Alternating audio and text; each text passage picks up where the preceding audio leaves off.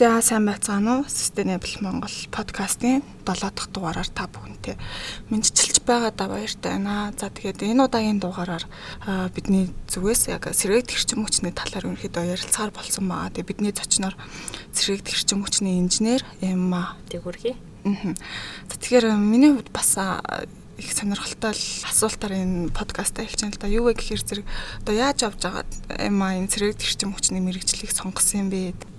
Аа, миний хувьд нөгөө жоохон бахта шинжилгээний колуудаа уншиж агаад нэг удаа нэг 14 настай ч үлээ нэг доктороо судалгаа хийж байгаа хүүхэд говьд ингээд нэг судалгаа хийж авч агаад өдрийн цайны цагаараа ингээд нэг нарны тогоо гаргаж ирэл хоолоо игээл тэгээ тэрэн дээрээс бас тоног хөөрөмж ингээл нарны панел гаргаж ирэл цэнэглээл тэгээл үдэлжээл ингээл яваадаггүй. Тэгэхээр тэгэл өвөөгөөс ингээл гайхал асуугаал өвөө одоо юу ямар юм ашиглаад юм гэдэг. Цахилгаан ашиглахгүй өрхийг л. Тэгээ төвөөс ч мөчтэй ерөөс албахгүй ингээд хан манад ингээд хан залгахгүй байхгүй. Ингээл талд явж байгаа л ашиглаж чадах хэрэг Тэгэл ясан наац ингээд намны эрчим хүчтэй ингээд жишгэлтэй ингээд сэргийт эрчим хүчтэй юм гээд ингээд тэгэл 18 өстэй. За ерсэн их хөсөө нэрэлтэй байна гэж явж байгаа 18 өстэй. Аа мэрэгчлээ сонгохлол Тэгэл сонгосон. Тэгэхээр Эма бит хоёр ерөөхдөө дараах яг сэдвийн хүрээнд ярилцахаар болсон байгаа. Тэгээд сэргээгт хэрчим хүчний талаарх ерөнхий ойлголт мэдээллүүдийг сонсогчдод хүргээд зогсохгүй. За тэгвэл сэргээгт хэрчим хүчний нөөц баялаг одоо Монгол улсад ямар байгаад байгаа юм бэ? За энэ талаар ярилцаад за тэгвэл одоо хэрэгжиж байгаа одоо олон улсын болон дотоодын төслүүдийн талаарх мэдээлэл тэгээд сэргээгт хэрчим хүчний ирээдүйн ерөнхий чиг хандлагын талаар ярилцахаар болсон байгаа. За тэгээд хамгийн сүүлд сэргээгт хэрчим хүчнийг одоо өдөр тутмын хэрэглээтэйгээ яаж ингээ холбож ингээ ашиглах боломжтой ямар боломжууд одоо бий болцоор байгаа тэр талаар ерөнхийдөө ярилцъя гэж бодсмаа. Тэгэхээр бас сэргээгт хэрчим хүчийг бас дөрөвдөх ажилтнууд одоо хувьсгал гэж бас нэг талаараа үзээд байгаа тий. Тэгээ манай улсыг ч гэсэн бас сэргээгт хэрчим хүчний одоо өлгийн нутагч гэж бас нэг ярьдаг нэг тийм тохиолдлууд байгаа тий. Тий. Тэгэхээр яг а одоо нэг 21-р зуун гараад бүгдээрээ хүмүүс ч өөрсдийнх нь нөгөө нэг чихийн ялгарлаа бууруулъя, байгаль дэйлтэй технологи хэрэгжүүлээ гэдэг нэлээ тренд болчихсон байгаа да. Тэгээ тэрэн дээр бол сэргийх төрчин хүч одоо нэг эрчим хүчний гол их усүр нь болоод байгаа байхгүй. Тэгэхээр тэр Монгол орны хувьд бол сэргийгт эрчим хүчний нөөц нэлээд өндөртөө ялангуяа Монгол орны бус нутгуудаараа хамаарат орчлоод одоо их усруудын нөөцүүд дандаа л доо салхины эрчим хүчний нөөц гэж чинь монголч одоо Америкийн сэргийгт эрчим хүчний үндэсний лабораториос тодорхойлсон судалгаагаар болохоор 1.1-нд 1 тераватт гэж аахгүй юу? Тераватт. Тийм. Энэ нь 1000 гигаватт. Монголч 1 гигаватт. Тэгэхээр тэрнээс 1000 дахин их аа суурлагдсан хүчин чадалтай салхины нөөцтэй гэж байгаа. Аймаг болгоноос ялгаатай л да. Гэхдээ ерөнхий нийт улсын хэмжээ нэх юм бол энэ чинь нэг 98 2000 оны ихэр хийсэн судалгааны ажил дээр гэж байгаа. Аа дараа нь нарны нөөц болохоор ч Монголч үндсэндээ жилдээ нэг 300-аад хоног нарны эрчим хүчний их усүр дэ байдаг болж байгаа. Тэгэхээр 300 хоногоос нь доо нэг 2500 3000 цаг 3300 цаг нь одоо нартай байдаг цаг. Нартай цэлмэг гэж бас яриад байдаг шүү дээ.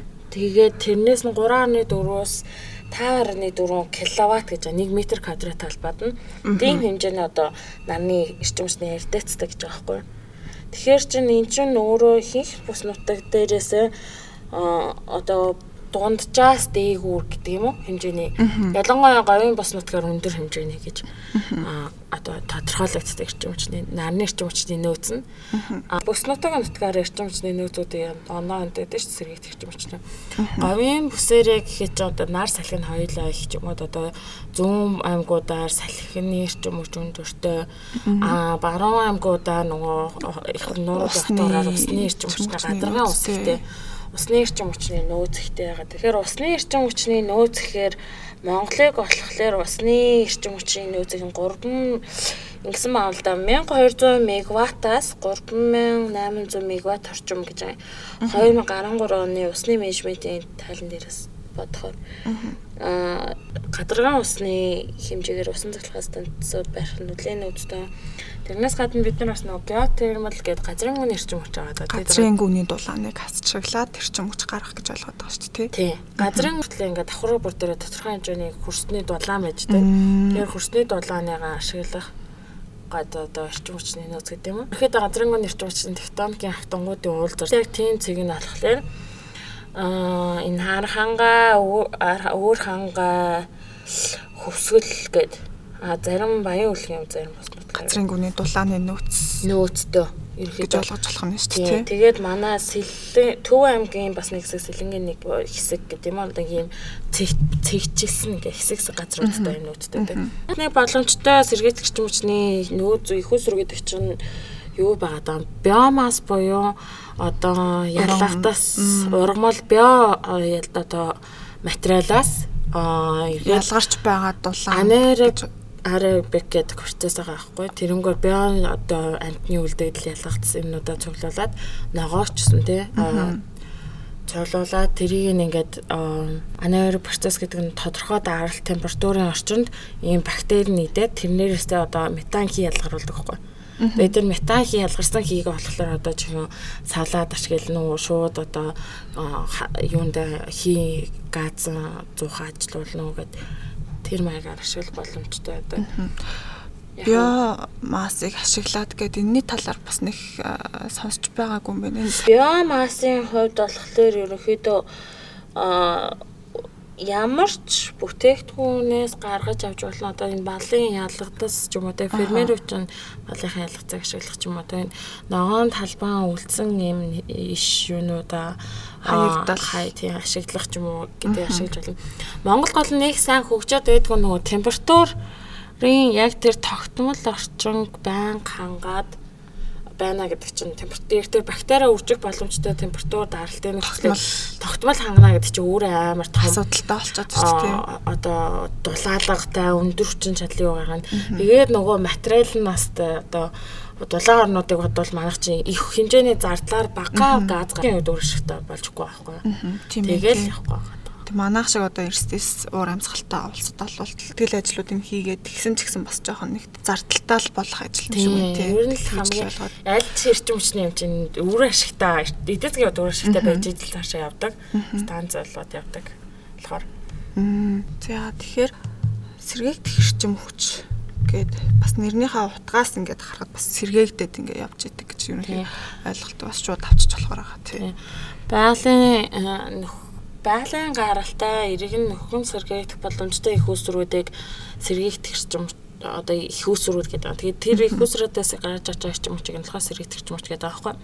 Тэгэхээр яг нөхөн сэргээгдэх эрчим хүч гэдэг одоо нөгөө орчуулга нь renewable energy гэдэг тэрийг болохоор ингээд янз бүрээр орчуулад байгаа л да. Ерөөдөө байнга ашиглаж байгаа, Монголд ашиглаж байгаа хэлэх нь болохоор сэргээгдэх эрчим хүч гэдгээр яваад байгаа. Тэг өөр одоо ерөөдөө энэ нүүрс болон дахин сэргийгдэхгүй одоо их усрууд гэд тэрнээс байгалийн хижин бас өөрөө эргээд сэрхэхгүй учраас тэр агшаа шатцсан л сэрхэхгүй учраас одоо сэргийгдэхтэй байхгүй гэдэг. Аа. Байгаа байхгүй. Тэгэхээр одоогийн байдлаар яг Монгол улсад сэргээгдэх хүчин хүчний чиглэлээр ямар байгууллагууд ингээ үйл ажиллагаа явуулаад байгаа вэ? Бас энэ талаарх мэдээллүүд бас сонирхолтой яж магадгүй л дээ. Энэ талаар За Монголд явагд байгаа байгууллагууд байгууллагууд гэх юм бол яг хамгийн гол нь сэргээгдэх эрчим хүчний үндэсний төв гэж байна. Аа энэ маань өөрөө анх 90-ад оны үеэс идэвхтэй үйл ажиллагаа явуулаад эхэлж гисэн төрийн өмчөд үйлдвэрийн газар байгаа. Тэгээд энэ дээр судалгааны ажлууд хийгдэг, бас угсрал суйрлуулалт хийгдэг цаашлаад бүр сэргээгдэх эрчим хүчний тоног төрөнд өгүүлдэрлэлт хийгддэг, засвар үйлчлэгч хийгддэг газар. Аа тэгээд өөр одоо энэ нөгөө сэргээх технологичны захиргаан станцууд барьж байгаа их усүр барьдаг энэ хувийн секторууд ерөнхийдөө байгаа даа тийм хувийн секторын компаниуд байна. Аа тэгээд одоо манай эрчим хүчний яамн дээр ч бас сэргээх технологичны хилцгээд байна. Ерөнхий бодлого зохицуулах гаргаад явдаг гэл. Хувийн байгууллагуудаас одоо энэ сэргээгтийн төслүүд хэрэгжүүлээ явж байгаа.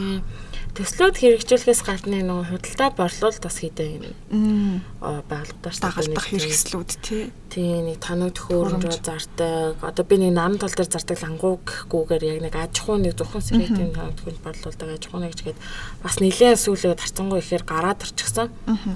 Аа тийм байгаад байгаа. Тэгэхээр яг төслүүднээс нь ярих юм бол одоо нөгөө хамгийн анхны том хэмжээний бүтээн байгуулах юм бол салхитын сэлхэн цахилгаан станц Никоми Clean Energy компани тэрний дараа одоо энэ дархны цаг хугацаагаар таймлайнаар нь яхаар дархны Solar Power International гэдэг одоо нарны цахилгаан станцыг байгуулсан 10 мегаватт 10 тийм дархны нарчин. Тэхний эрчим хүч болох 50 мегаваттын байгаа. Тэгээд дараа нь цогццыг гээд өмнө гайм гээд цогцтой суманд байгуулагдсан Алаг бол Никоми Clean Energy Аз компани төслөө.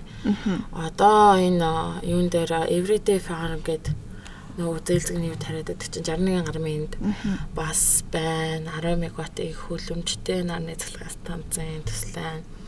Гээд ингээд баригж байгаа хийж байгаа төслүүд бол зөндөл байна л да.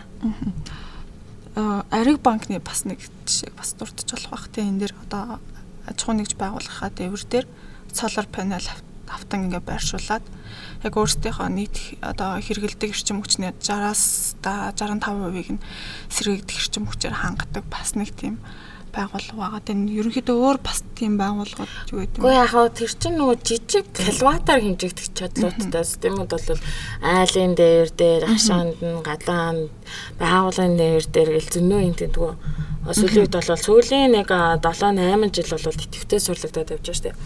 Одоо нарны халаа, нарны вакуум коллектор, дулаан гарах коллектор байна. Энэ нарны панел цахилгаан орчин хүчний үйлдвэрлэл байна гэд. Тэгээд газрын үнийн их усрын суйрлуулсан сургууль цэцэрлэг байна гэл ингээл явхлаар байгаа. Жижиг их сургууль. Тэгэхээр бас сэргээгдэх хэрэгчим хүчний энэ салбар нэг талаараа за эрэг тал нь юу байгаад байгаа вэ? Цүрэг тал нь юу байгаад байгаа вэ? Одоо миний хувьд гэх юм бол байгаль орчны салбартаагаа шууд ингээ холбоо ярихаар тухайн бүс нутагт одоо микро уур амьсгалын нөхцөл байдлыг тодорхой хэмжээгээр өөрчлөх, тэгээ биологийн олон янз байдалд сүргээр нөлөөлөх гэх юм уу. Тийм бас сүрэг сүрэг талуудыг бас байгаль орчны салбарын хүмүүс бас ингээ яриад яваад идэг. Тэгээд энэ тал дээр ямар нэг талаараа үнэхээр байгаль орчин нөлөөлөх байдлынхаа үнэлгээг сайн хийгдсэн байгаа бол бас энэ асуудлыг бас шийдэх боломжтой байгаа гэдэг. Одоо нэг тайшрын усан цахилгаан станц гэл баг нэг улс дамнсан нэг бүх асуудлууд л яриад байдаг. Эм магийн хувьд. Энэ талаар.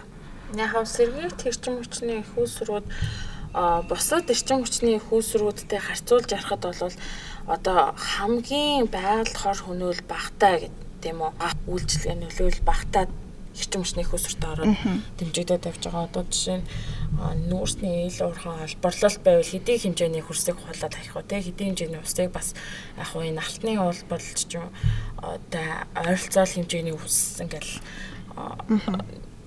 одоо дэргийн нөхөс сэргэлт хийсэн ч ингээл явдаг те. Аа тэгэхээр ерөөхдөө болохоор за тийм хүрээлэн орчны үнэлгээг болвол байгаль орчны үнэлгээг болвол төсөл болгоно маань хийгээд явж байгаа. Тэгээд тэн дээр нөгөө хүлэн зөвшөөрөгдгөөц хэмжээнээс өндөр хэмжээний үнэлгээтэй байвал одоо хийхдэггүй гэдээ яригадад одоо нэлээд олон төслүүд буцаагдаад бол явж байгаа. Дандаа зөвшөөрөлтийн төслүүд маань дандаа л одоо тодорхой олоос үнэлгээнээс бага хэмжээний хөрөлөн борчин нөлөө үзүүлдэг учраас одоо зөвшөөрөгдөд цаашаа үйл ажиллагаа явуулаад баригдаад явж байгаа байхгүй. Тэгэхээр цаашаа усан цалхаан станцаар олон улсын хувьд асуул усан гэдэгт би яасан юу ирээд байгааг ойлгохгүй л юм л та. Аа зүгээр нөгөө нэг яг анх резервуара дүүрэхтэй жоохон удаан хугацаал гарснаас биш яг тийм хүрээлэн орчинд одоо нэг Америкийн бүр нөгөө нэг 20 дугаар зууны дунд үе чинь нэг тийм усан цахилгаан станцын клишэ нэг тийм уур амьсгал үүссэн нөгөө заагаас дамжуулах орчин байхгүй усан цахилгаан станцууд барай очихсан.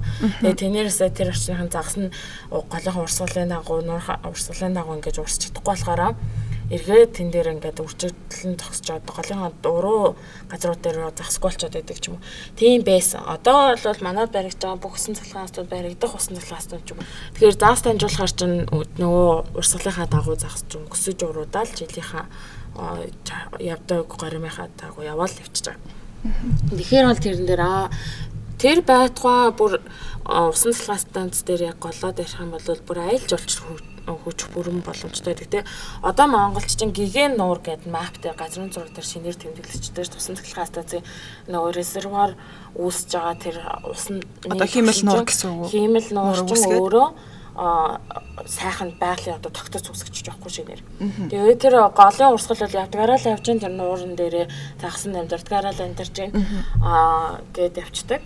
Тэгэхээр тэрийг дагаад одоо чинь хятадын 3 хавцлуулсан цахилгаан станц явж одоо а усан цахилгаан станцаа дагаад аялж очлоо амар өндөр хөгждөг. Гэх мэтчлэн тийм явж байгаа төг болоо. Тэгэхээр а хөрөлөн мартанд үзүүлэх нөлөө гэдэг бол нэлээд байгаа байгаа. Яг нь салхин цахилгаан станц дээр бага урын салхины эрчим хүчний ашиглалтан дээр яг нөгөө нэг орон нутгийн дуу чимээгтэй энэ төр гэл 20 дугаар зууны үеийн технологиуд манд хийж явдаг гэсэн. Одоо хуучны дангууд гэсэн үг тийм. Яг тийм хуучны дизайнта ер нь уч ингээл өөртөө бас нөгөө анх л гарч исэн дизайнууд тэгээ явжсэн юм бол одоо бол нөгөө дуу чимээ баг хуурайш дүүсгэх нь баг. Тэгээ одоо нэг жоохон сүдэрлэл үсэх гэж юм уу те. Нэг тиймэрхүү л орчинтай нөхөс одоо бол нөлөөл нь хамаагүй баг болоод тавьчихсан баг шүү дээ. За тэгэхээр everyday farm тэдний бас нөгөө нэг гүзээлцэгний талбайт solar panelтай тэр төслийг бас шууд ихэлж болохоор байгаа тий. Тийм бас салбартаа бас юу байгаа илээ нөгөө GCM-ийн одоо хүрээнд хэрэгжиж байгаа бас нэг төсөл. Тий, Японы хамтарсан кредит механизмээр санхүүжиж байгаа л да. Аа, ерөнхийдөө бусад салбартаас сэргээд төрчм хүчний интеграц хийх боломж бол маш өндөр байдаг. Ямар ч барилгын дээвэр дээр сулгаж болно, ямар ч барилгын ханны дагуу сулгаж болно а одоо ямар ч байгууллага ячаа суулгаж болно те а тэгээд өөр одоо энэ тэр everyday farming технологийн хувьд болохоор яг хүлэмжийн ха дээвэр хэсэг дээр нь аны панелаас байрлуулсан. Байрлуулчихсан. Тэгээд тэн дээрээсээ сэргийт орчим хүчээр одоо цахилгаан хаалгатай орчим хүчээ гаргаж аваад тэгээд хүлэмжийн аж ахуй манд явж идэг. Тийм аа. Гэх мэтчлэн тэрнээс гадна одоо тэгэл нөгөө нэг яг барилгынхаа дээврийн хэсэг ашиглахаас гадна хүлэмжэндээ тэгээд ашиглаждаг. Аа бүр ингээд аслагдсан гадар байгаа байгууллагууд одоо үйл ажиллагаа явуулдаг газрууч ч юм уу тий.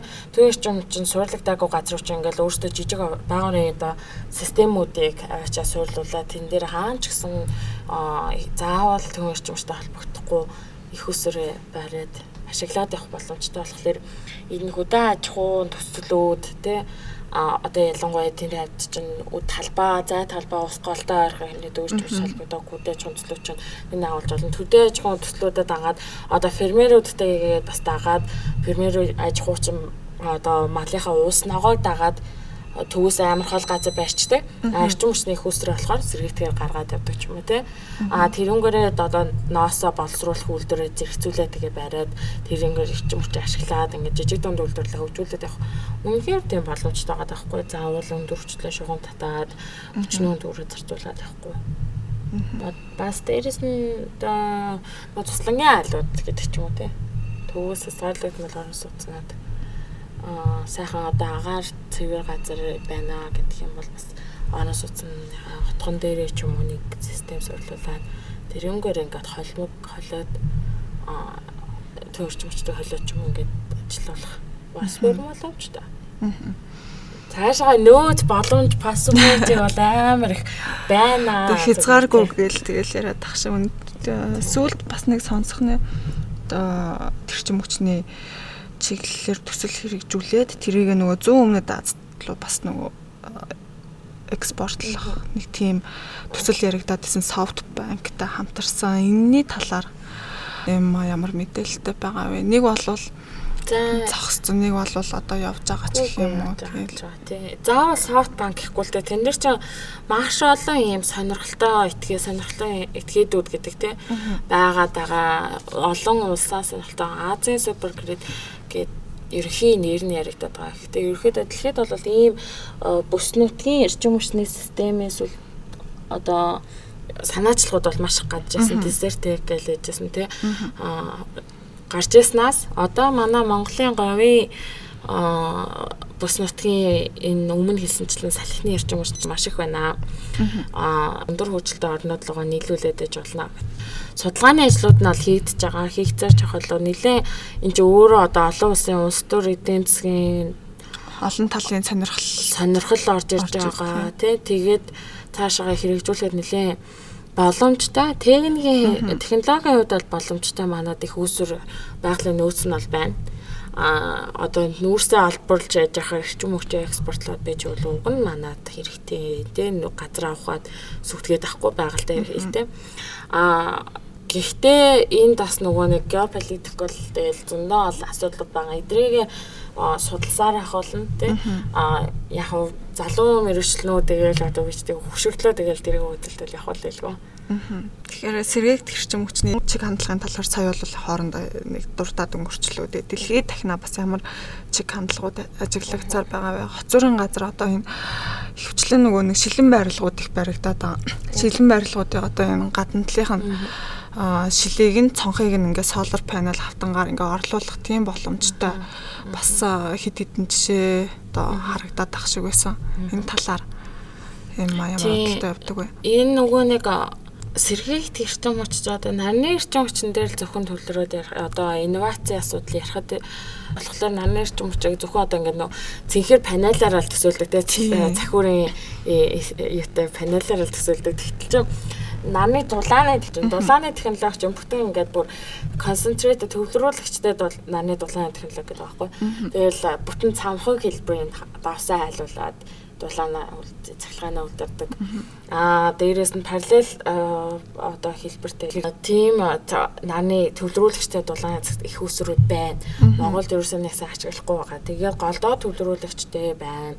Тэгээд зөндөө дулааны их усруудтай болгож болж байна. Тэгээд энэ технологиуд маань дахиад шинжлэхдээ дахиад нэлээд хөгжөөд явж байна. Ашигтүүлэн коэффициентууд нь одоо нэг дөнгөж 8, 9 байсан бол одоо 17, 8 болоод 25 болоод ингэ явж байгаа А даны цахилгааны их усрууд болохоор бид нар зөвхөн захиурынхаас юугээс боддог болол органик одоо ингээд хүрэн манжинж байна тий.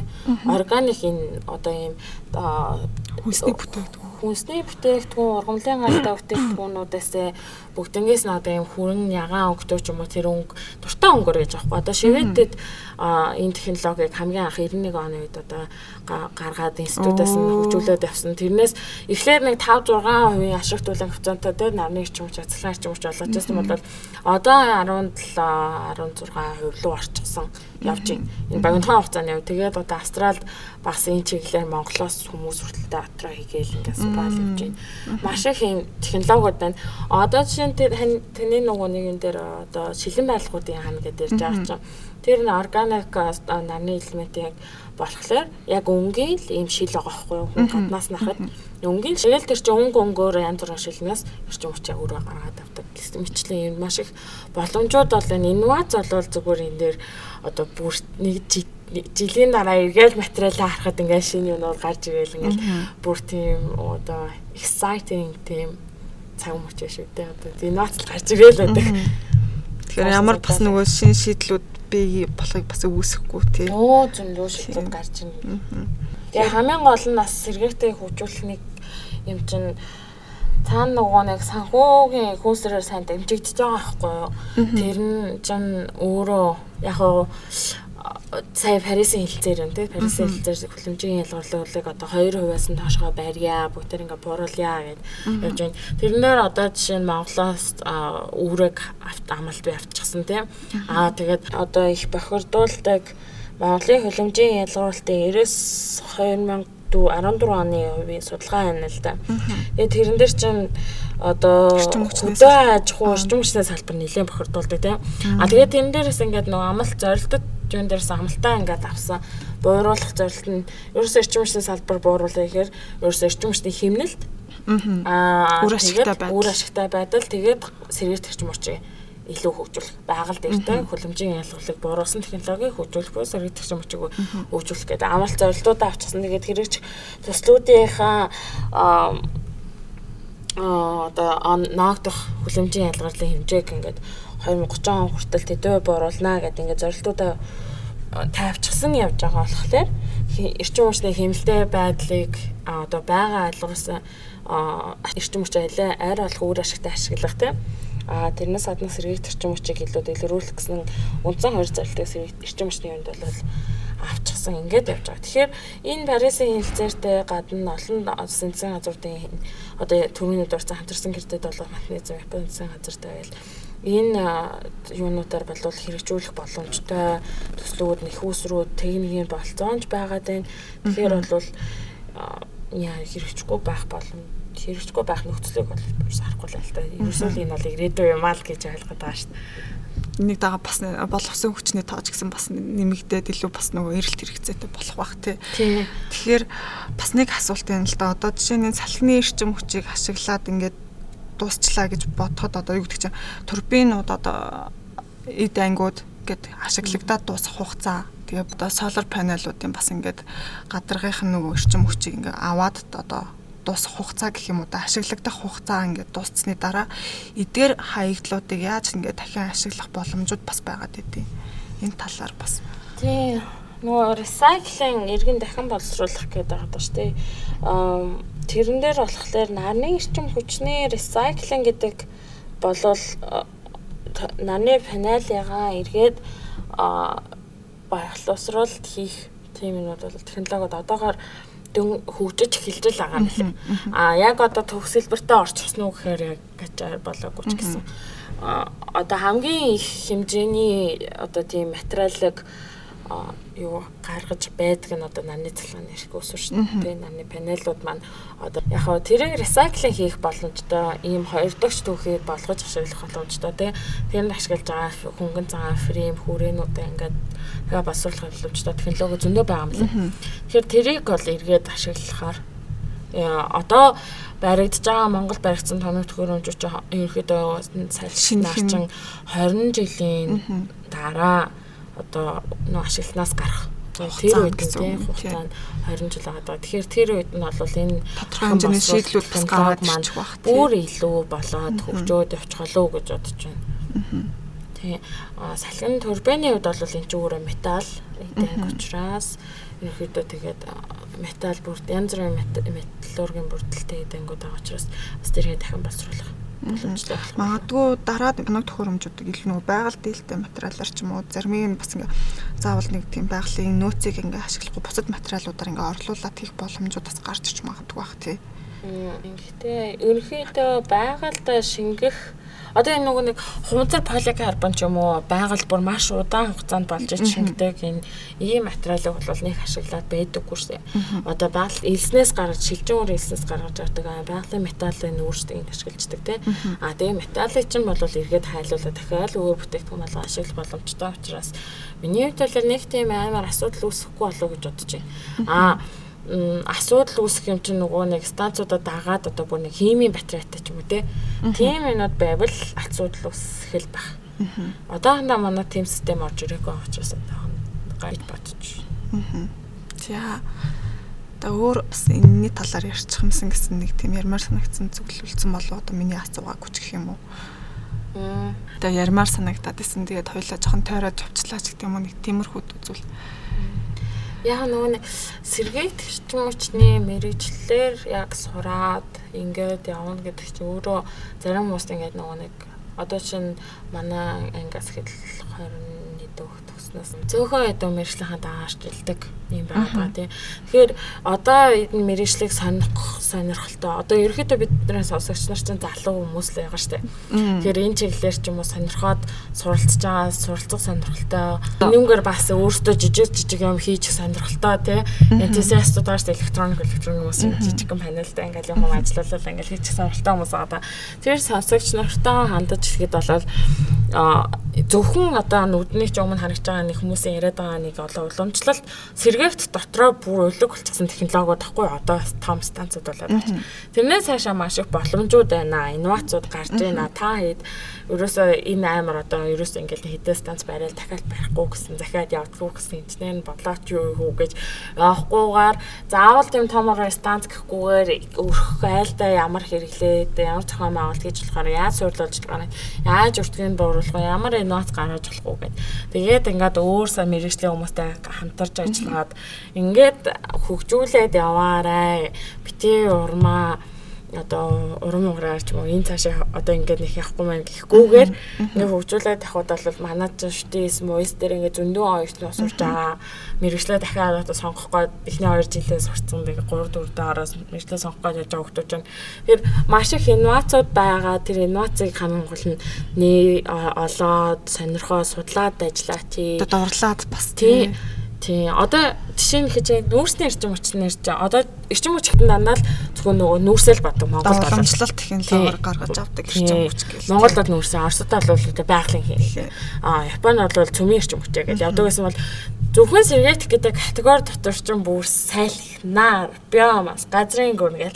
Дахиад нөгөө нэг далайн далайн эргэн салхи да юм гэл ингээл те уус гэл ингээл зөндөө их үүсрүүд байгаа байхгүй юу? Нэг ийм категори дотор ч амар их юм салбарууд байгаа гэдэг тэгээ салбар болгоноороо мэрэгшээд ингээд явах маш их боломж байгаа байхгүй тэгэхээр тэрийг ашиглаад энэ чиглэлээр нь судалгаа хийгээд яваа чи үнэхээр бүх боломж байна. Тэгээд эн чинь байгаль орчиндөө ээлтэй те. Аа эргээд хийж бүтээсэн зөвлөж чинь дараа нь инглээ тэглээ гэдэг байхгүй. Нэг их урамтай штэ. Тийм юм л сонирхоод яваасаа л гэж бодчих. За. Тэгэхээр нэг сүүлийн асуулт юм л та. Сэргээг тэрчим хүчийг одоо хувь хүний зүгээс яаж ингээ өдөр тутмын амьдралтайгаа ингэж холбох боломжтой вэ? Одоо ингэж холболоо гэж бодоход одоо юу гэдэг чинь бас хувь хүнийхээ зүгээс гаргаж байгаа одоо хүлэмжийн хийгээ бас нэг тийм багасгах бас нэг боломж гэж нэг талаарсаа ойлгож болно. Тэгэхээр өдөр тутмын амьдралдаа яаж энэ сэрэг тэрчим хүчийг ашиглах боломжтой вэ? Наач яахгүй асуулт байна. Монгол одоо бид нар нөгөө нэг юм том амрын станцууд ингээд системд нийлүүлэгдэл явахлаа. Том юмнууд бид нарт ямар хамааст ингээд тийм хүн өөртөө хүн дээр үлж үтсэн хандлагатай байхгүй. Гэтэл тийм хол ч юм шиг санагдав. Тийм хол ерөөсөө нааддаг тий. Өөртөө яг тухайн самаар хүмүүс хамаатай гэж хараад нэг тийм nerd л үтдэг ч юм уу тийм хамаачаад байдаг. А гэтэл чинь ерөөсөө тэр ямар их үүсрээс үүсч эрчим хүч нийлүүлж байгааг нь хамаагүй. Тэр эрчим хүчний систем тухайн таны бай оршин сууж байгаа тэр эрчим хүчний систем лөө тэр цахилгаан орсон л тэр цахилгаан чинь эрчим хүч чинь нэг долбаан гэрэл орохгүй дангийн гэрэл орохгүй а энэ сэргээтэй дэмждэггүй хүний гэрэл орохгүй гэж яалахгүй байхгүй юу. Тэр чинь зүгээр л та нэг хэрэгэлж байгаа энэ сэргээтэй эрчим хүчний чинь а тодорхой одоо эрчим хүчний чинь тодорхой хувийн сэргийтгэхийн хүсрээс очиж тулсан цахилгааныг таашгилж байгаа байхгүй. Энэ 10 ваттын намын станц орлоо. 50 мегатын салхины эрчим хүч орлоо гэл ингэ явж байна те. Эднэр чинь таны ашиглаж байгаа цахилгаан чинь Ерөөсө. Тэгэхээр нөө дэмжих тариф гэдээ явахаар яхаараа та нар ингээд цахилгааныхаа үн дээр дахиад энэ сэргийгтийн дэмжих тариф гэдээ явдаг ингээд хүмүүс ингээд амар уурлаад байдаг хгүй. Тэгэхээр эн чинь ялгаагүй эрчим хүчний нэг их үүсэр байхгүй юу? Тэгэхээр нүүрсний их үүсвэрийг уламжлалт эрчим хүч гэдэг уламжлалт ингээд үндсэн тарифа төлөөл явдаг гэсэн бол дахиад нэг их үүсвэр баригдаад үүсээд тэрий чинь таны хэрэглээнд чинь ингээд орчихсон та одоо жишээ нь те дэмжих тарифаар тэдэн хувь эрчим хүчнийхаа тэдэн хувийн сэргийтгэх өсвөр цэцгэлсэн учраас одоо сэргийтгэх өсвөрийн төлбөрийг. Одоо жишээ нь өөр төрлийн хүнсний ногооныгоо хэрэглэхдээ бид нар нэг хүнсний бүтээгдэхүүнийхаа тэдэн хувийн хүнсний ногоо тэдэн хувийн гурлан бүтээгдэхүүн гэл ингээл хэрэглэдэг штэ. Аа тэгэл тэгж байгаа шиг одоо нэг төрлийн их өсвөр дахиад нэг шин төрлийн их үс рүү аваад байгаа байхгүй. Тэгэхгүй цахилгаан гэхээр ерөөсөө л нэг нүүрс тэгээ энэ одоо экстра илүү юу юу орж ирээд байгаа гэхгүй. Ерөөсөө нэг категори нэг хүнсний бүтээгдэхүүн чинь нэг зүйлээ ингээд нэмэгдлээ гэдэг шиг л баггүй. Тэгэхээр энийг сайн ойлгоосаа тэгэхгүй нөгөө нэг дэмжих тариф гэл нөгөө цахилгааныхын тал төлбөр дээр ингээл сэрэг зарчмын дэмжих тариф гэл нэг 2004 мөр ингээл нэмэгдээл ороод байгаа учраас манайх сэрэг тэр ерөөсөө аваагүй шүү. Тийм манайх аваагүй шүү гэж яриад байдаг. Тэр нөгөө төвийн эрчим нийлүүлчихсэн цахилгаан чинь а цахилгаан чи ерөөсөө цаашаага ингээд тэр айл руу тэр айл руу орохгүй гэж ханхлагддаг байхгүй зүгээр л нийлүүлэгчсэн тэр төгөөч уцаас цахилгаан авч л аваад л танд оцсон л гэсэн. Маах таамаагүй бид нэр сэргийтгэх хаавлага говьдага станц чи надад амруултаа ч юм уу те хаас тэр юу нэ дархны юм чи надад амруултаа гэж болдог байхгүй. Төв аймгийн сэргэлэнгийн югаар бид нар тэжээгдэггүй гэж. Бодож байгаа ч хүмүүс ажиг би зогсчих. Тийм тийм ерөөсөө нэг систем л бол орчихсон тал та одоо таны цусны чинь нэг хэсгээ зөвхөн за би энэ таньдаг газрынхаа одоо зөвхөн хард харагдж байгаа хэсгийнхаа цусыг л ашиглая гэлтэй тэгж сонголт шүү дээ. Бүтэн системээр чи ингээл явж байгаа штэ урсчил байгаа тий. Яг тэмдэл адилхан нийжлэх нь л байгаа байхгүй юу? Тэгэхээр тэрийг бас ингээ ялгааг нь ойлгоод аваасаа. Тэгээ та энэнийг хэрэгдээ тэргээд хэрчм үүсрээ ашигласан дэмжих тариа байгаа төлөөд явснараа та эргээд байгаль орчинд ээлтэй технологи. Та үр хөвгтийнхээ ирээд одоо амьдрах орчныг нь эрүүл аюулгүй байх нөхцөлийг нь дэмжиж байгаа шүү гэдгээ бас ойлгоор таны оруулж байгаа хувь нэмэр чинь байхгүй юу тэр чинь тэгэхээр тэрийгээ бас ойлгоорол гэж хэлмээр энэ да. За одоо эсрэг тэрчим хүчний талаар бас сонирхолтойгоо яриа өрнүүлсэн. Тэгээд юм одоо баярлаа. Тэгээд цаашдаа бас ажил хөдөлмөр тэгээ ирээдүйн одоо юу гэдэг чи карьер одоо бүх юмд чинь томоос том амжилт хүсье. Баярлаа. Намайг урьж оролцуулсан та бүхэнд бас баярлаа. Сонирхолтой яриа болсон баг гэж найдаж байна. За. Хоёлаа баяртай гэлчгүү те. За энэ удаагийн дугаарыг сонссон та бүхэнд баярлаа.